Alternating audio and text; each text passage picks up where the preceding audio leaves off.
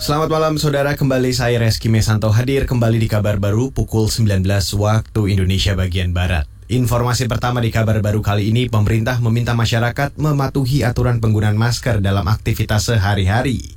Penggunaan masker untuk mengurangi resiko penularan virus SARS-CoV-2 penyebab COVID-19. Juru bicara pemerintah untuk penanganan COVID-19 Ahmad Yuryanto mengatakan, penggunaan masker bisa menurunkan resiko penularan menjadi hanya sekitar 1,5 persen. Yuryanto mengatakan resiko penularan bisa menurun jika orang yang berkontak sama-sama mengenakan masker.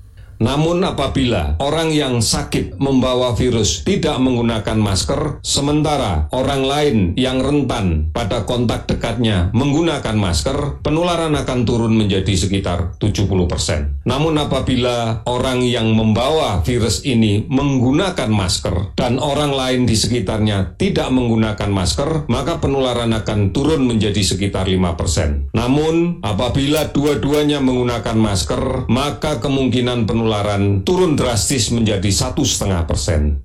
Juru bicara pemerintah untuk penanganan COVID-19 Ahmad Yuryanto menambahkan, resiko penularan bisa diturunkan apabila masker digunakan secara baik dan benar, yaitu menutup area hidung dan mulut.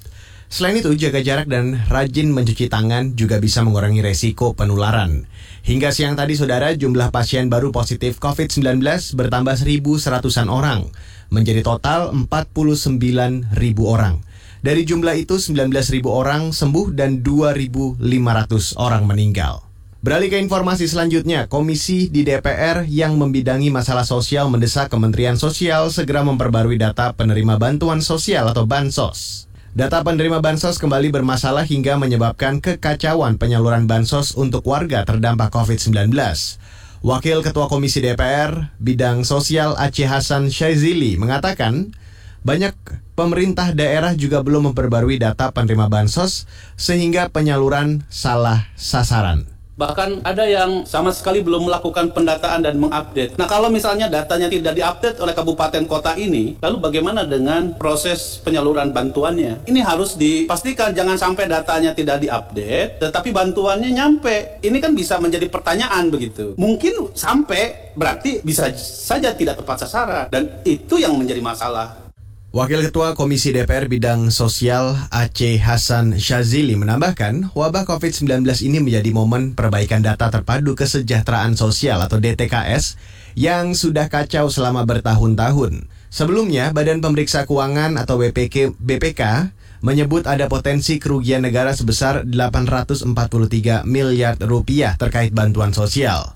BPK menyebut ada sekitar 20 juta penerima bansos yang tidak memiliki nomor induk kependudukan atau diduga tidak tepat sasaran. Dan informasi terakhir di kabar baru kali ini, hampir 100 orang pengungsi etnis Rohingya tergantung-kantung di perairan Selat Malaka di Kabupaten Aceh Utara. Kapal pengungsi Rohingya diduga rusak dan kehabisan bahan bakar. Panglima Laut Aceh Utara Muhammad Nasir mengatakan saat ini para pengungsi dievakuasi ke darat di nelayan dari sana kan dari Rohingya. Jadi habis bahas nggak mau ke mana dia nggak bisa jalan lagi. Terpaksa minta tolong sama orang nelayan kami lah. Informasi sama Kapolsek, uh, Tinsar kan. Hmm, nah, jadi mau dijemput, ditarik kayak nanti ke mana, saya nggak tahu lah. Nanti arahnya saya kabari. Panglima Laut Aceh Utara Muhammad Nasir mengatakan di dalam kapal itu ada sekitar 94 orang pengungsi Rohingya, termasuk 30 anak-anak. Mereka dievakuasi tim gabungan termasuk dari Kepolisian Air Polda Aceh.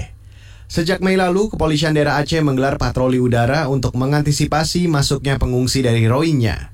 Sejak Mei lalu, Polda Aceh mendapat kabar ada sekitar 500 pengungsi Rohingya akan berlayar menuju Malaysia melalui Laut Andaman di sebelah utara Aceh. Demikian kabar baru KBR, saya Reski Mesanto.